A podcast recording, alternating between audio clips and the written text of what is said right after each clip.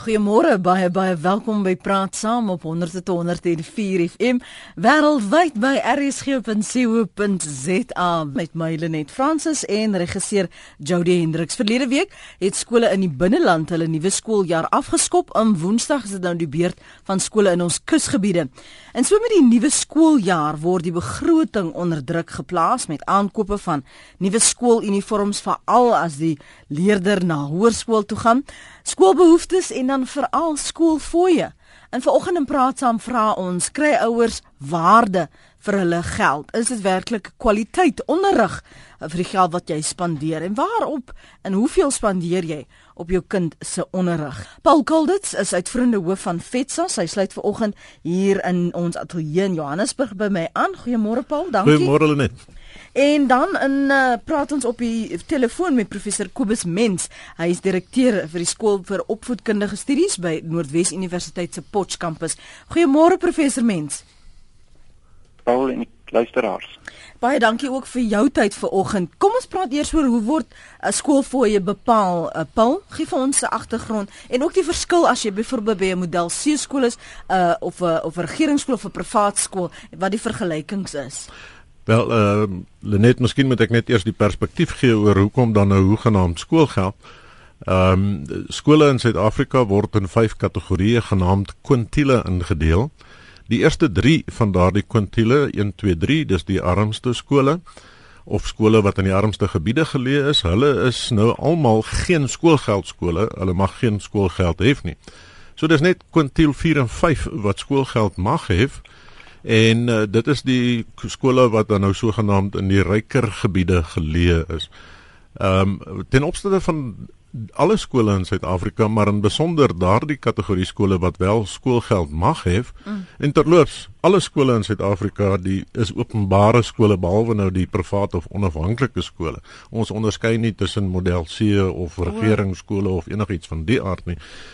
Ehm um, in die in die boonste kategorie skole in kwintiel 5 uh, is die staat se bydrae tot die skool se jaarlikse bedryfskoste uh van jaar R193 per leerder per jaar. Met ander woorde dis minder as 'n rand per jaar wat die staat bydra tot daardie kinders se onderwys. Die staat betaal wel die salaris van die vaste diensstaat, die personeel mhm. wat in diens is van die staat, maar dit is hopeloos te min om werklike gehalte onderwys onderwys te gee aan daardie leerders. Selfs in die armer skole, die geen skoolgeld skole, mm. is daardie bydrae R1116 per jaar.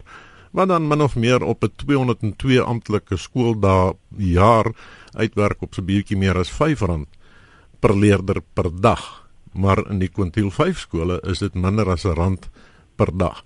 Nou met daardie bedryfskoste van die skool ehm um, wat regtig miljoene rande beloop, moet hoofsaaklik gedek word deur skoolgeld mm. in daardie skole wat wel skoolgeld mag hê. Ek sê tog is die rede hoekom hulle minder ehm um, bydra is omdat hulle van mening is julle het genoeg geld om vir julleself te sorg. Wel, julle is geleë in gebiede waar daar genoeg geld is om skoolgeld te mag hê om by wyse van fondsinsameling, skoolgeldheffing ensovoorts uh wel skoolgeld te kan hê. Mm.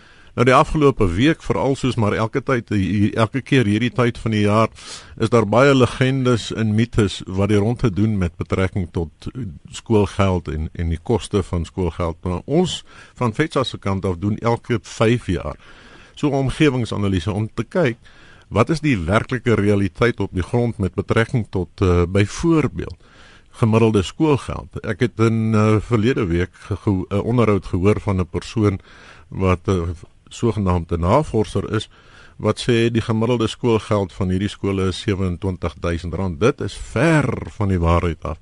Ons praat in hoërskole oor die hele Suid-Afrika mm -hmm. van gemiddelde skoolgeld van R8000 per jaar. Nou daar is uitskieters en dit is hoofsaaklik in die ryker voorstedelike gebiede waar die koste natuurlik baie duurder is. Maar oor die algemeen vir Suid-Afrika vir hoërskole is dit so R8000 per jaar en laerskole is R6000 per jaar. Wat is daardie wat is die die skoolgeld veronderstel om te dek professor Mens? Ehm uh, net die Suid-Afrikaanse skolewet uh, praat oor die saak en Dit is dis belangrik om te weet dat die skoolfonds eintlik net vir vier doeleindes aangewend mag word. Uh die skoolgeld of ons praat van onderriggeld of skoolgeld, ons praat nog van skoolgeld. En dit is vir opvoedkundige doeleindes van die skool, dit is die eerste. Uh tweedens vir opvoedkundige doeleindes in samewerking met 'n ander skool. Dis 'n interessante een wat daar is. Mm. Die derde een is vir die funksionering van die beheerliggaam. En die vierde saak is dan enige ander saak waarop ooreengekom word tussen die beheerliggaam van die skool en die hoof van die provinsiale onderwysdepartement. Ek dink dit is belangrik dat mense in ag neem dat dat dit baie goed gespesifiseer is. En dit is waarom mense baie keer 'n kommer het dat skole verder gaan as wat die as wat die skolewet van ons sê, as wat die skolewet sê. En dat skole ook skoolgeld aanwend. Eh, partykeer moet ek ongelukkig sê dink ek sonder die kennis van die ouers ja, aanwend ook ek wou nou juis vir jou vra in hoeverre word ouers ingetrek in hierdie besluitnemingsproses? Want jy het 'n beheerliggaam wat jy nou aanvaar konsulteer ook met ouers en en die gemeenskap. Ja net baie belangrik dat elke ouer hierdie geleentheid tot inspraak weereens is baie ouers nie daarvan bewus nie eh, die begroting van 'n skool moet goedgekeur word op 'n vergadering waar ouers verteenwoordig is Eh, deur 'n meerderheid van die ouers wat op daai vergadering verteenwoordig is, moet die bedrag goedgekeur word wat gehef mag word vir onderriggeld. Nou ongelukkig in praktyk kry ons baie keer dat hierdie vergadering wat gewoonlik Oktober November by skole plaasvind, word bygewoon deur 12 of 15 of 30 ouers. Wat dan beteken dat die meerderheid van daardie ouers, baie keer 15 of 20 ouers in 'n skool, keur die skoolgeld goed vir die res van die ouers. En as ouers net betrokke is en as daar 2, 3, 400 ouers by so 'n vergadering is en 'n dringende vraag vra aan die beheerliggaam oor die begroting, hmm. dan dink ek gaan ons op die ouend 'n baie meer sinvolle begroting kan kry en gaan meer ouers tevrede wees. Maar dit vra vir vir baie sterker ouer betrokkenheid gegee ons gaan nou-nou verder praat oor uh, ouer betrokkenheid. Ek hoop ook ons van ons luisteraars sal hier weeg en en sê wat hulle um, dink waar hoe word hulle geld aangewend en of dit die moeite werd is, maar ook of jy kwaliteit onderrig vir jou kind uh, kry vir die geld wat jy betaal. Hoe word dit bepaal dat hierdie jaar 2015 byvoorbeeld gaan ons nou 'n verhoging hê? On die, o, ons moet nou en wat is die beweegrede vir daardie verhogings? Ja. Kobus is heeltemal reg. Ehm um, wat betref die die vaststelling van skoolgeld, maar ook die goedkeuring van die begroting. Ehm um, dit is dis 'n ingewikkelde lang proses wat gewoonlik hier uh, afhangende van skole se spesifieke omstandighede, maar 'n proses van konsultasie wat met die personeel van die skool en almal wat betrokke is by die bedryf van die skool begin hier in Julie van elke jaar. En dan moet 'n beheerliggaam vir ouers 30 dae kennis gee van die vergadering waar die ouers die die die begroting goedkeur, nie die beheerliggaam nie. Dit is nie 'n ding wat 'n beheerliggaam sommer net afdwing van eensydig van sy kant af nie. En belangrik ook is dat ouers die geleentheid het 14 dae voor die vergadering om na die begroting te gaan kyk by die skool. Nou baie skole van die groter skole se begroting is is 'n dik leer van verskillende kleiner items maar jou uiteindelike kom ons sê dit inkomste staat wat die globale uitgawes en inkomste aandui kan een bladsy wees. Mm. Uh en daarin word uh, sekere verhogings dan nou noodwendig op die skool afgedwing as 'n voorbeeld. Ehm um, die munisipale rekening oor die afgelope 5 jaar het met 'n gemiddeld van 18% gestyg. Uh dit hou glad nie tred met die werklikheid van inflasiekoers en nies meer nie. En dis 'n baie groot uitgawe vir skole. Ehm um, reiskoste byvoorbeeld het uh buitensporig gestyg met die hoër uh brandstofkoste. Ehm um, en en dit dis maar soos 'n huishouding ook wat uh deur omstandighede buite beheer van die skool gedwing word mm. om uh, hulle begrotings aan te pas en en skoolgeld in die proses te verhoog. Ehm um, die die verskil is net tussen die skool en die huishouding. Die huishouding het jy 'n groter mandjie want jy kry denhuursware ensovoorts mm -hmm. terwyl 'n skool spesifiek uh byvoorbeeld ehm um, baie groot uitgawe het ten aansien van munisipale dienste, baie groot uitgawe het ten aansien van reiskoste, van telefoonkoste en en dergelike ondersteuningsdienste. Uh die grootste enkele uitgawe op alle skole se begrotings, die skole wat skoolgeld mag hê, is salarisse. Salarisse van bykomende onderwysers en dan veral ook salarisse van bykomende ondersteuningspersoneel soos ja. byvoorbeeld jou sekretariële dienste, finansiële dienste ensovoorts net om jou 'n idee te gee. Ehm um, so by in hoërskole is daardie uitgawe 45% wat uh die salarisse van addisionele personeel aanbetref en in primêre skole 48% van die skool se totale begroting. Mm. Nou as daar druk kom van die vakbonde se kant af om mense in die staatsdiens se salarisse te verhoog, dan is daar 'n verwagting en druk wat op die skool geskep word om hierdie addisionele personeel se salarisse dienooreenkomstig ook te verhoog, want jy sit met mense van wie jy verwag om dieselfde werk te doen. So daardie salarisdruk is is die grootste enkele uitgawe op 'n uh, skool se begroting en uh, veroorsaak dan as daar groot salarisaanpassings moet kom veroorsaak dan ook dat daar groot druk is op die skool om die salarisse dienooreenkomstig aan te pas en die die aanpassing dan deur te gee na die ouers deur middel van skoolgeld. Is dit 'n jaarlikse uh, verhoging? Absoluut absoluut ja. Uh gewoonlik is dit jaarliks, maar dit hang natuurlik van omstandighede af. Jy gaan in 'n plattelandse situasie sit waar die, daar net eenvoudig nie geld is nie om hierdie massiewe aanpassings te maak nie. En uh die gemeenskap kan dit nie bekostig nie. Uh maar ja, die die aanpassings is jaarliks, die begroting moet jaarliks goedgekeur word. Uh, soos Kobus gesê het, uh, gewoonlik vind hierdie vergaderings party van hulle begin al Augustus, maar 10 November behoort dit afgehandel te wees sodat ouers weet wat hulle volgende jaar in die gesig staar. Hmm. As ons nou so kyk, jy net nou verwys professor uh, mens na na die die skolewet en gesê so min van ons besef dat dit aangewend kan word vir wanneer daar samewerking is tussen een skool en 'n ander skool. Maar wat soort so ek kan er niks dink behalwe byvoorbeeld as 'n atletiek byeenkoms sou wees nie. Hoe regverdige mens daardie soort uitgawes dan? Ehm um, hulle net Gauteng provinsie het so 'n tyd gelede 'n interessante inisiatief geloods waar hulle praat van die paring van skole van bevoordeelde skole en benadeelde skole en waar die groepe skole dan 2-2 gaan saamwerk om met onder andere deur tegnologie soos interaktiewe witborde en so lesse uit te saai van een skool na die ander skool. Dit is dit en daar is baie ander skole ook al wat begin het met met ehm um, samewerking ja. waar daar dan kennis uitgeruil word waar onderwysers waar uit die skole besoek, waar hulle mekaar se skole besoek, waar hulle kyk na leierskap in die skole, uh, die verbetering van skole en dis meer. So daar is heelwat sulke inisiatiewe informeel al lankal aan die gang, maar dan ook nou baie interessant hier in die een wat Gauteng nou wil wil in in, in werking stel. So dikwels word die aanname gemaak dat hoe meer skoolgeld ek betaal, hoe beter gaan die kwaliteit van onderrig wees by daai skool. Net ek het nog al 'n sterk standpunt daar. Ek dink ons behoort meer van ons skoolgeld in te sit in die verbetering van onderrig. Ehm um, en en ons het 'n Afrikaanse gehoor met wie ons nou praat en as jy mens bietjie gaan kyk na die syfers, dan vaar ons Afrikaanse skole nie so goed soos wat ons baie keer wil dink in terme van onderrig en en uitkomste nie. So ek dink ons moet meer van ons geld spandeer, van ons fondse spandeer om direk ons onderrig te verbeter. Ek wil vir jou baie vinnige syfer noem en dit is dat die die puls die geletterdheid ondersoek wat jaarliks internasionaal gedoen word. Mm -hmm. Het natuurlik plaas in Suid-Afrika altyd baie ver onder.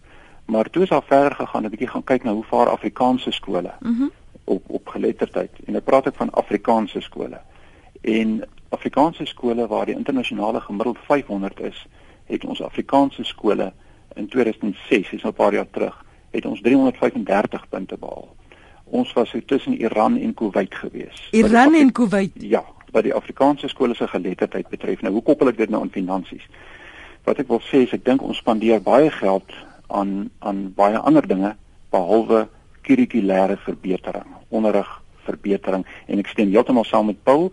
Ons sit baie geld in addisionele onderwysers in. Ek dink dit is uitstekend. Ach, ek, maar ja. Ek nee. ekskuus om te onderbreek. Ek gaan nou by ons luisteraars se oproepe kom.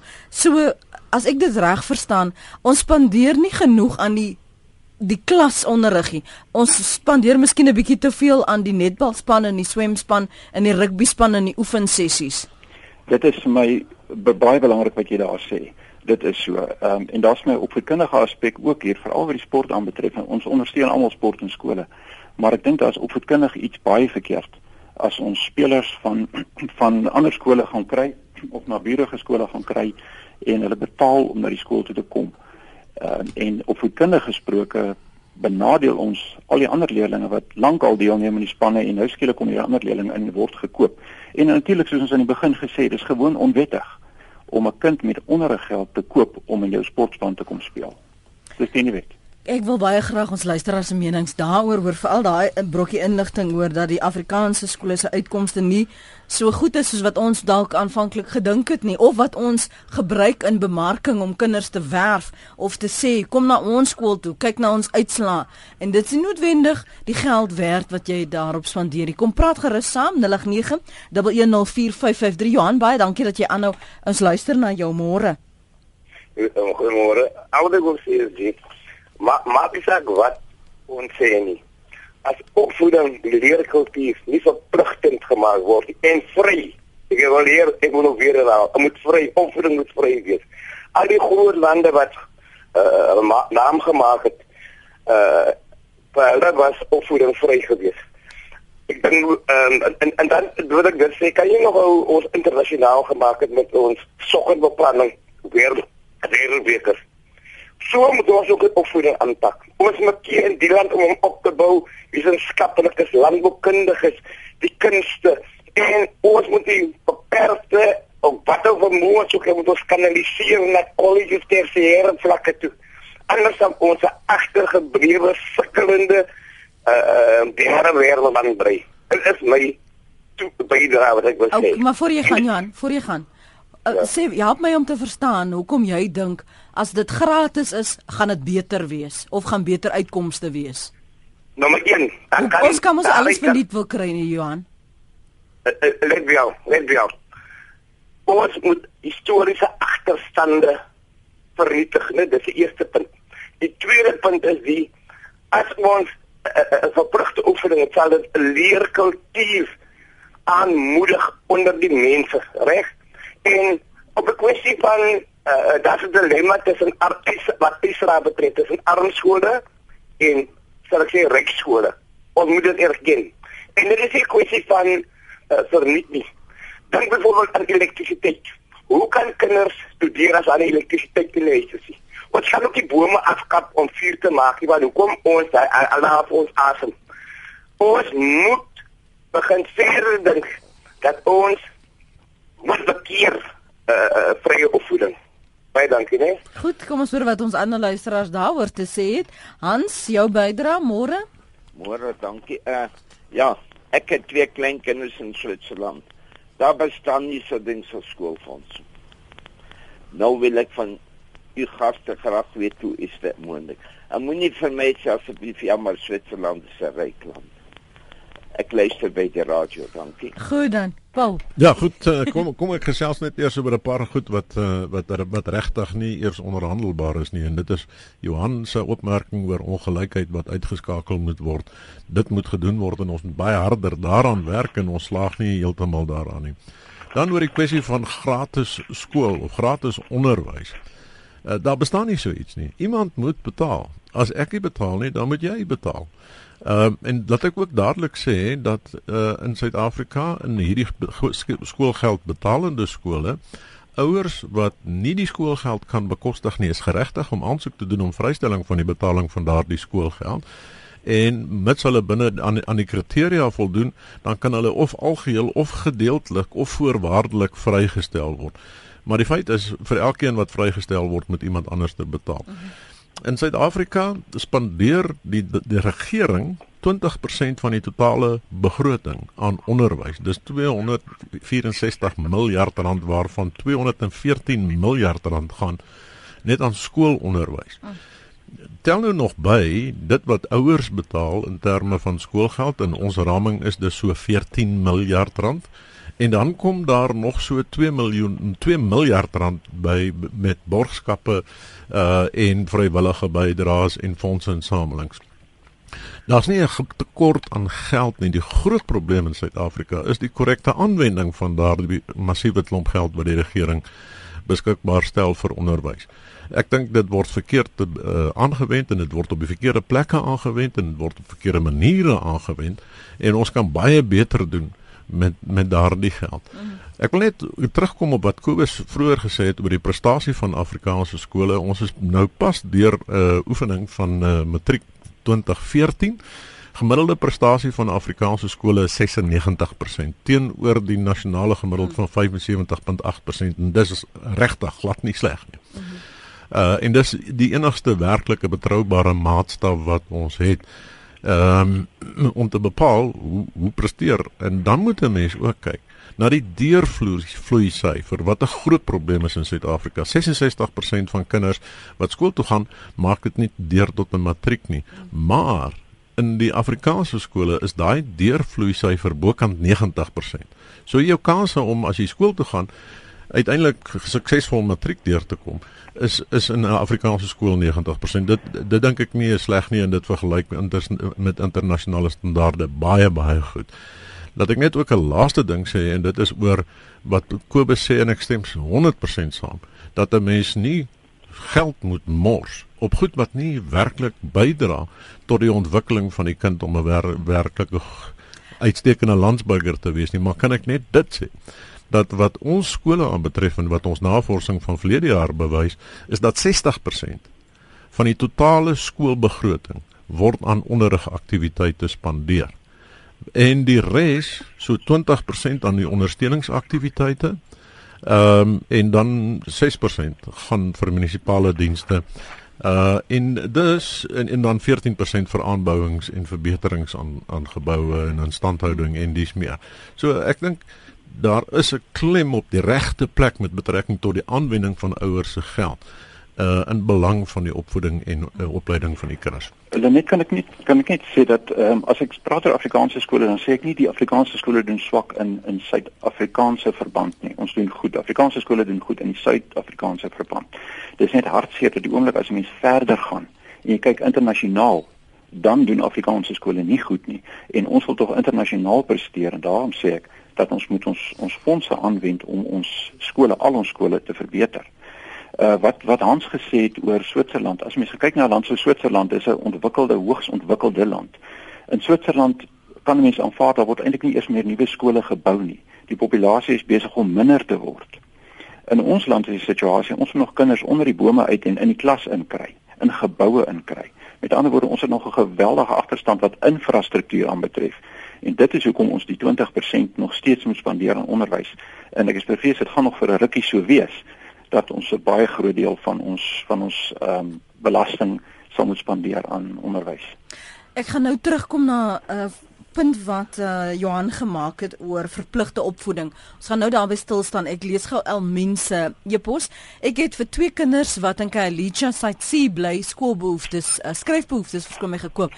Ek het nie alles gekoop nie want hulle was uh, hulle vra 4 buisies prit waarvan ek 1 per kind gekoop het. Hulle vra 2 pakke rekenaarpapier waarvan ek 1 per kind gekoop het. Dit het my R388 gekos. Die skoolklere het my R1200 gekos. Hoeveel kinders in daardie klas gaan die goed koop wat die skool vereis. Ons praat ver oggend oor die uitgawes of die dit wat jy betaal, die skoolfonds, die skoolgelde of dit regverdig die opvoeding wat jou kind kry. Uh JC van Woester sê nou my vraag. Die sogenaamde ryker skole Paul is lief om akademies en sportpresterende kinders by die sogenaamde arme skole te werf natuurlik met die beloftes dat hulle nie skoolgeld hoef te betaal nie.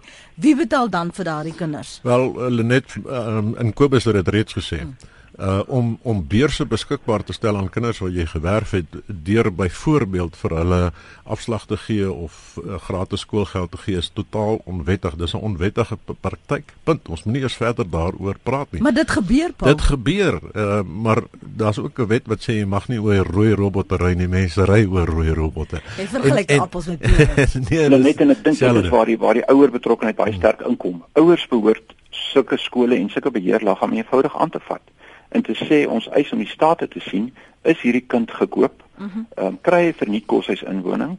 Ehm um, waar gaan die geld heen?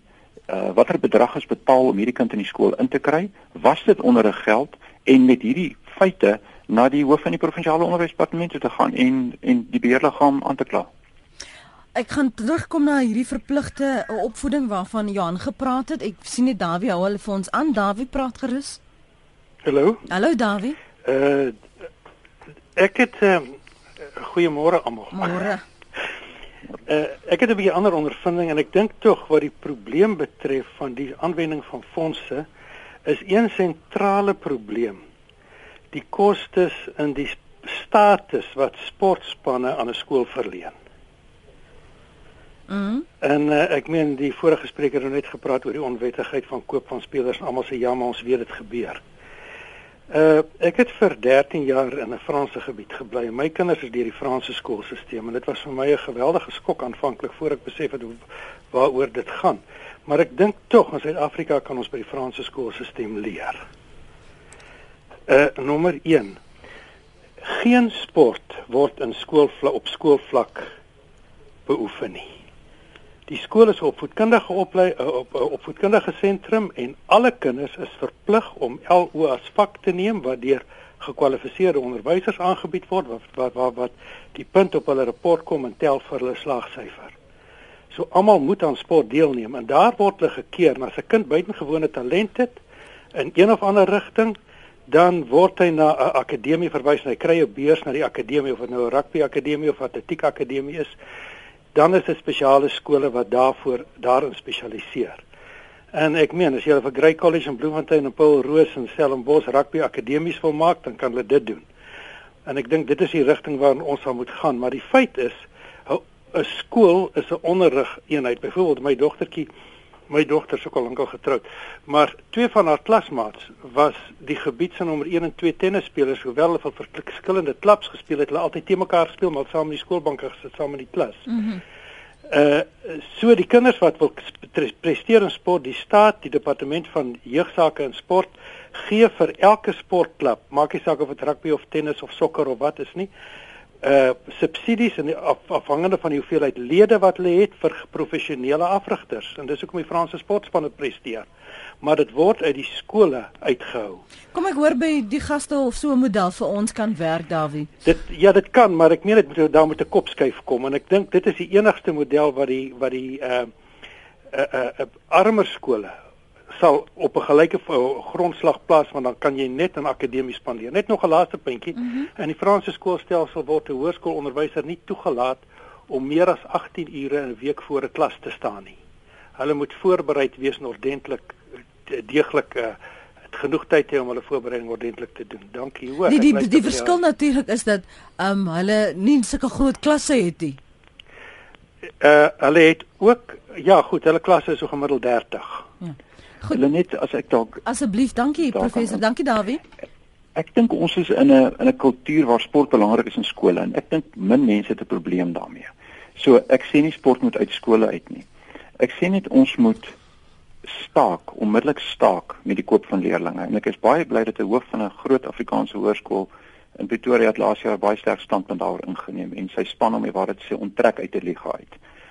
Ehm um, ek dink ons moet dit ons moet ophou daarmee. Daar's nie opvoedkundige regverdiging daarvoor om om enige kind te gaan koop by 'n ander skool nie. Uh so as ons die praktyk kan staak waar skole se prestige afhang van hulle sportspanne se prestasie, dink ek gaan ons vorentoe beweeg. Uh en en ek weet dit is 'n baie sterk gevestigde kultuur, maar ek dink ons moet begin werk daaraan om dit vinnig te verander. Die model wat ons het in in Suid-Afrika hulle net uh, werk werk baie goed en dit is die klem op die akademiese maar daarmee saam ook op kultuur en sport. En die die goed gaan hand aan hand vir 'n baie goeie holistiese ontwikkeling van van die kind ja. Holistiese opvoeding van die kind. Dit gaan nie dit gaan nie net oor oor dit wat in die klaskamer gebeur nie. En baie onderwysers sal vir jou sê net al vir my gesê. Ek maak op die sportveld baie beter kontak met die individuele kind wat my help om daardie kind beter te begelei en te onderrig binne in die klaskamer. Ek moet net ter verdediging van twee skole wie se name nou genoem is hier, Grey College en Paul Roos Gimnasium, gaan kyk oor die afgelope 50 jaar na hulle akademiese uitslae. Die die die klem op op hulle akademie is nog sterker as wat dit is op die sport en almal dink net hierdie is sp sportskole maar gaan kyk na al die skole wat in groot sportligas wat groot sportname het, het sy rugby, tennis, hokkie, swem, atletiek, wat ook al. en gaan kyk na hulle akademiese prestasies. Dis uitstekend. Dis van die top in in Suid-Afrika. Dit bly daar bo in Suid-Afrika. So, ek dink die model is goed, maar nou moet 'n mens ook in gedagte hou dat is dit is 10% van die skole in Suid-Afrika waar daar wel sport beoefen word. 90% van die skole word daar nie sport beoefen en daar's nie die geleenthede, daar's nie die fasiliteite, daar's nie die toewyding deur die onderwysers nie. En dit is waar die ongelykheid kom waarvan Johan deel aan die begin gepraat het wat ons moet regstel sodat alle skole dieselfde tipe geleentheid vir alle kinders bied. En jou mening oor oor wat Johan gesê het dat verpligte opvoeding die antwoord is? Ja, kyk uh, ons het ons het verpligte opvoeding het, in Suid-Afrika ja. vanaf die ouderdom van 7 jaar tot die ouderdom van 15 jaar of die slaag van graad 9 is verplig en ouers kan krimineel vervolg word as hulle hulle kinders nie skool toe stuur in daardie tyd nie. Mense natuurlik graag wil sien. Dat elke kind in die skool bly tot by graad 12 of 12 want ek kan nie dink dat jy as jy graad 9 ek so jare terug toe ek op skool was as ek met my ou het 7 uit skool uit moes gegaan het sou ek nie dit gemaak het in die samelewing nie. Mense sou graag wil hê dat almal deur die stelsel moet gaan tot by graad 12 en dit gebeur in die suksesvolle lande wel so. Daniel tweet in 'n aanleiding van ons vraag kry ouers waarde vir hul skoolgeld wat hulle aan onderrig van kinders bestee. Hy sê definitief nie. Daar is net te veel kinders in een klas en die onderwyser kan nie elkeen se skooltake of toetse monitor nie. Uh Anne Magriet de Wet tweet ek dink onderwys moet gratis wees. Suid-Afrika het egter nie genoeg belastingbetalers daarvoor nie. My kinders gaan skool in Potch en ek kan glad nie kla nie. Ek moes die minimum goed koop vir graad 4. Graham de Bruin sê, die vraag is weet ouers wat hulle soek en meer nog weet hulle en wat die kind nodig het. Dit gaan ons in 'n ander rigting stuur. Kom ons parkeer hom vir eers Johannes op die lyn in Noordwes. Hallo Johan. Goeiemôre net. Môre aan al die gaste. Uh net ja, ek wil net 'n opinie vorm. Ek het uh, was betrokke by 'n beheerraad van 'n groot Afrikaanse skool. Uh die punt wat 'n ander uh, uh persoon gemaak het oor die koop van sportmanne. Wil ek sê dis ongeldig. Ehm um, ons byvoorbeeld het ook op 'n stadium sportmanne laat kom, maar dis met eksterne borge wat dit aangedoen word. Dit word glad nie met skoolgeld gedoen nie. Geensins nie. En dit is byvoorbeeld waar 'n skool graag sy aansien in die sportwêreld wil verhoog, want jy kan dan maar dink. Kom ons kyk na jou groot Afrikaanse skole in Pretoria en waar ook al hulle doen baie goed op sportgebied, dan outomaties trek hy dan kinders na hom toe omrede die skool volgens hulle dan fantasties presteer. Maar dit is nie die skool wat iets betaal nie. Ek het ook kinders gehad by die uh, groot Afrikaanse skool in Pretoria. Daar's glad nie dat die skool enigsins iets geborg het of enigsins iets betaal het nie. Ons betaal self vir alles en dan natuurlik is daar eksterne borgers wat oud uh, leerdlinge van daardie hoërskool is wat gelde insit in 'n ondersteuningsfonds sodat hulle kinders kan kry soontoe wat wel aan een of ander talent uh blootgestel is. So ja, ek wil net sê in die Afrikaanse skole vaar baie goed, bitter goed. As jy kyk na waar die Afrikaanse kinders eindig en opeindig, hulle doen ontsettend baie goed in die in die buitekant. So ek stem ook nie saam dat Afrikaanse skole swakker doen gemeet teen ander skole nie.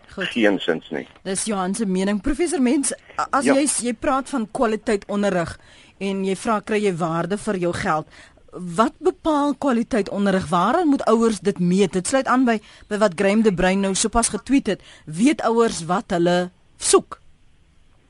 Ja, net daar's verskillende maniere om kwaliteit onderrig te meet. Ons ons is almal baie bewus van die matriekeindeeksamen. Dit is natuurlik 'n baie goeie interne meetinstrument. Maar daarom hou ek daarvan om ook te gaan kyk na internasionale meetinstrumente en te gaan sê waar lê ons internasionaal? En en as Johan sê Afrikaanse skole doen goed, stem ek heeltemal saam met hom. In die in die Suid-Afrikaanse pool, as mens dit so kan stel. Ja, doen hulle goed. Maar ons moet ons internasionaal gaan meet.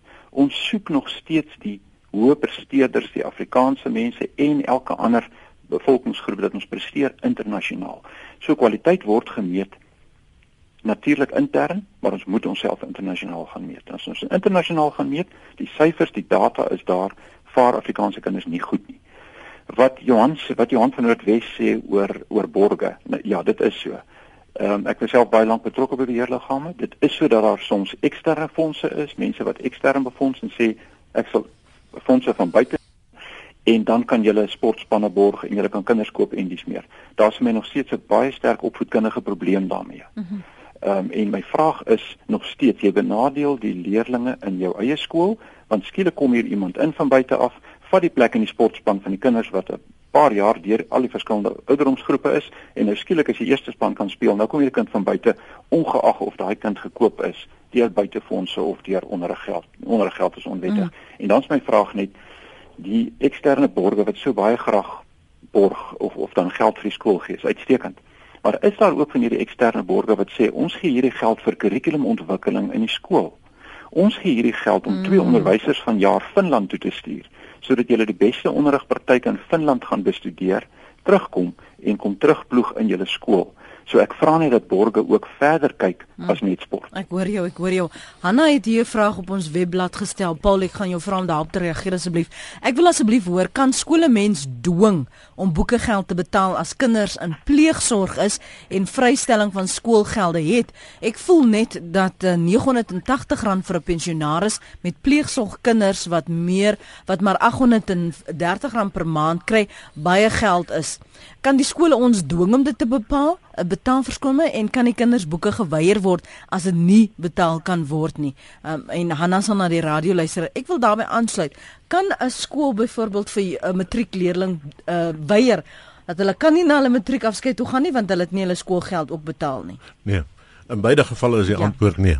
Uh dit dit mag nie gebeur nie. Uh die benadering van die skolewet is dat uh, skoolgeld moet inklusief wees. Met ander woorde, as jy ouer betaal R1000 of R10000 of wat die geval ook al mag wees, dan moet die ouer weet dit is alles ingesluit. So boeke kan nie apart hanteer word nie.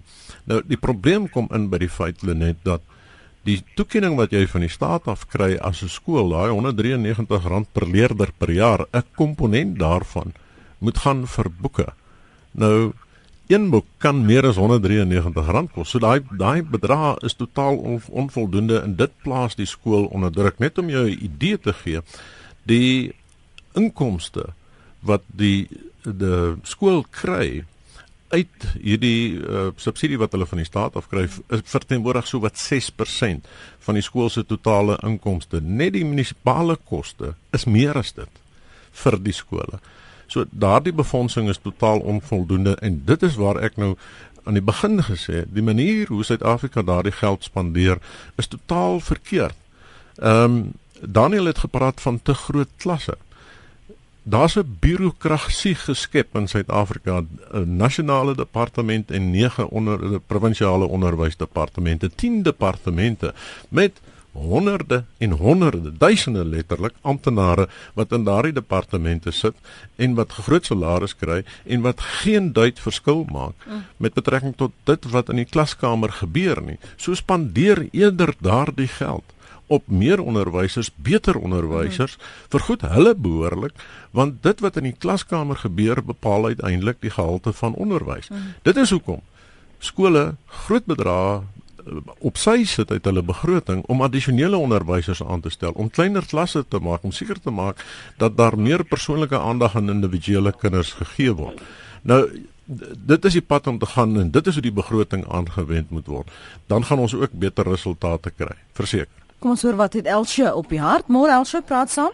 Goeiemôre. Ehm um, ek sê vir vir die vir die persoon wat voorgeantwoord dis nog nie heeltemal julle praatjie nie, maar terwyl julle nog gepraat het van verpligte uh, skool. Hmm. Hoekom is daardie ouers of die mense wat daai boikot gedoen het by Kurmani in hegtenis geneem nie en daar's nou dieselfde besigheid daar bo iewers in Gauteng wat mense nie wil aan 'n sekere munisipaliteit wil hê of wat ook al nie, wat hulle ook nou die kinders verbied om te gaan. Ek kan nie dit verstaan nie. Ja, kom ek hoor wat sê die gaste daarvan kortliks. Dankie Elsje. Dit is nou eintlik net so 'n sypaadjie wat ons vat, maar professor Mens, kom ek gee jou kans. Net ja, ek dink dit is dit sluit aan by wat Paul gesê het oor hoe hoe werk ons met die geld wat ons het en met die met die kundigheid wat ons het in die onderwysdepartemente. Ek dink ons moet aanvaar dat ons onderwysstelsel is baie verpolitiseer, baie. Ehm um, iemand het eendag die opmerking gemaak dat dat uh, ons onderwys word eintlik nie deur die staat hanteer nie, maar deur onderwysvakbonde.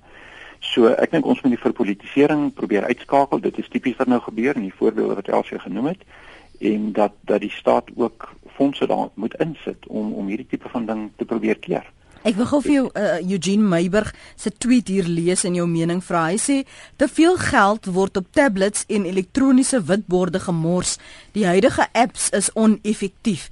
Hy verwys nou na die wat nou in die tegnologiese era is en hier in Gauteng het ons net verlede week gesien dat, dat daar nou hierdie iPads aangeskaf word. As jy in 'n skool is wat dit kan bekostig of die regering dit borg of die ouers dit uh, vir jou beskikbaar stel, gaan die speelveld nooit gelyk wees nie want jy gaan altyd hierdie arme skole kry wat nie noodwendig toegang ooit sal kan bekostig nie en dan het jy hierdie ander skole wat bekostigbaar is maar toegang het en geleenthede het en dan gaan dit ooit werklik kan jy appels en pere dan vergelyk professor. Hulle net 'n baie sensitiewe ding. Die vraag is moet 'n mens ontwikkeling terughou omdat daar 'n groep is hmm. wat nie by die ontwikkeling kan byhou nie. Uh baie sensitief polities en andersins, maar ek dink nie mense kan sê jy behoort nie in die skole wat dit kan bekostig nie witborde en iPads te hê en of tablette te hê mm -hmm. omdat daar skole is wat dit nie kan bekostig nie. Ek dink ons moet eerder ons ons fondse insit om die onderontwikkelde skole vinniger te ontwikkel, maar ons moenie die skole waar dit wel kan gebeur terughou nie. Ek dink nie daar's enige regverdiging daarvoor nie. Mm. Tegnologie en onderwys is natuurlik uh, soos ek die naweek gelees het een van ons skoolhoofde sê dis nie die toekoms nie dit is die hede. Ja. Die die ding is net dat uh soos wat nou hier in Gauteng gebeur het is dis wat my aanbetref ook maar 'n politieke oefeningkie jy weet want Die skole wat dit suksesvol doen, het 'n 2 jaar beplanningsfase deurgegaan voordat hulle dit geïmplementeer het. En tablette en tegnologie kan net uh bydra uh tot die onderwyservaring en dit kan nie die onderwyser vervang nie. So die onderwyser sien staan nog steeds sentraal.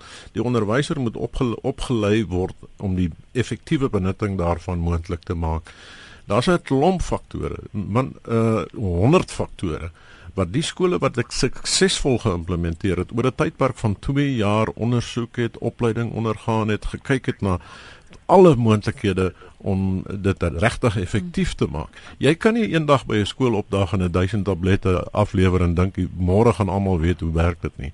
Ehm um, jy het byvoorbeeld om 'n eenvoudige voorbeeld te noem, het jy 'n tegnikus nodig wat voltyds by die skool is, een of twee tegnisi wat kan help met uh, probleme um, en uh, as dit goed verkeerd loop, as daar foute kom, jy weet. Elkeen van ons wat 'n persoonlike rekenaar het, weet hoe dikwels ervaar jy 'n probleem. Dis maar wat dit is. Ek, ek verstaan julle albei se se redes baie baie goed. My redenasie is net Wat help dit my om 'n tablet te hê en ek het nie kos of 'n brood by die huis nie. Ja. Dit is vir my net so 'n wanbalans. Dit is so, ja, maar as jy so van wanbalans praat, hulle net die statistiek is baie interessant as mens gaan as mens sien dat by die kwintiel 1 skole, kom ons nou met nou die bevoordeelde skole betref, in die Wes-Kaap 31% kwintiel 1 skole en Limpopo het net 8% kwintiel 1 skole. Kwintiel 5 Kobus. Ja, ag uh, ja, die die ryker skole ja. ja. Ja, die ryker skole het Limpopo net 8% en Weskaap het 31%. Met ander woorde, hierdie skole, daar is so 'n wanbalans mm. waarvan jy reg praat, net daar's 'n wanbalans wat wat lank gaan vat om reggestel te word. Ek wens ons kon langer praat want da, daar is soveel ander aspekte en veral omdat dit ons kinders se opvoeding raak, en sou ek graag meer tyd daaraan wou bestee, maar die tyd haal ons in. Baie baie dankie uh, dat jy ingekom het Paul Kaldits uit vriende hoof van Vetsas en vir jou beskikbaarheid hierdie uur professor Kobus Mens baie dankie. Sterkte vir julle week.